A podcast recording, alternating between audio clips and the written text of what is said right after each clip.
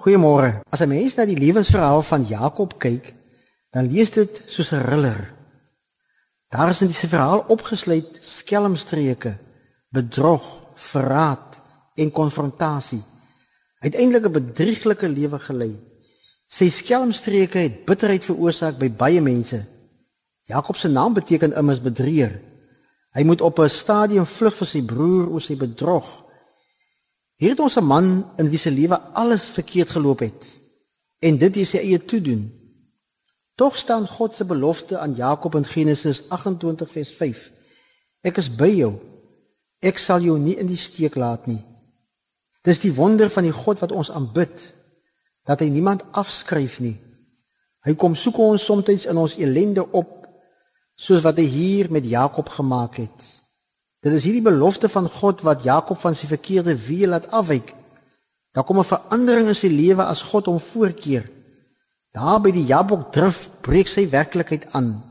Daar ontmoet hy die Here en daardie ontmoeting verander sy lewe. Na sy ontmoeting kom daar 'n draaipunt. Sy geraamtes word ontbloot as hy in 'n slaaplose nag sweet en worstel met God. Hy besef ek kan nie vir almal wegvlug nie. Maar ek kan ook nie van God af wegvlug nie. Dit is in daardie nag dat hy besef ek kan nie meer langer weghardloop nie. Ek kan nie meer langer hierdie bedrieglike lewe lei nie. Alles wat met hom gebeur is nie per toeval nie. God het met hom 'n afspraak gehad want God wou hom verander.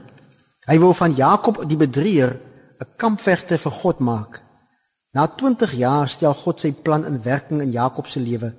Hy moes eers met God ontmoet voordat hy met sy broer wat hy bedrieg het kon gaan ontmoet.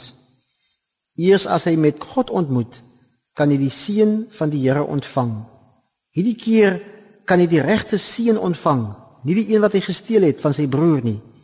Eers na sy ontmoeting met God word hy 'n nuwe Jakob. Trouwens God gee vir hom 'n nuwe naam. Jy sal voortaan Israel wees.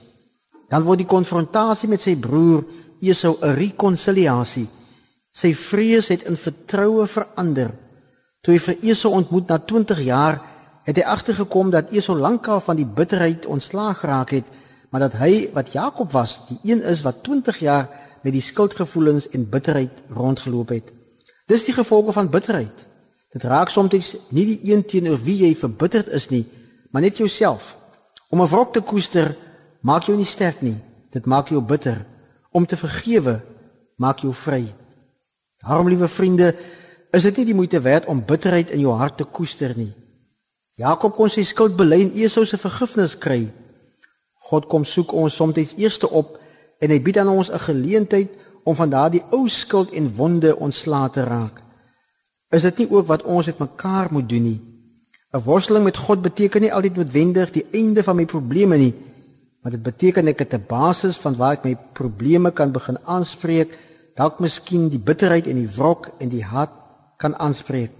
So baie van ons se worsteling het te doen met ons eie bitterheid. Is dit nie dalk vandag net die geleentheid vir u om van hierdie bitterheid in u hart ontslae te raak nie? Is dit nie dalk vandag net die kans vir u om iemand vry te spreek nie, om iemand te vergewe nie? Is vandag nie dalk 'n kans om u las ligter te maak en saam met die Here 'n nuwe reis te onderneem nie? Amen.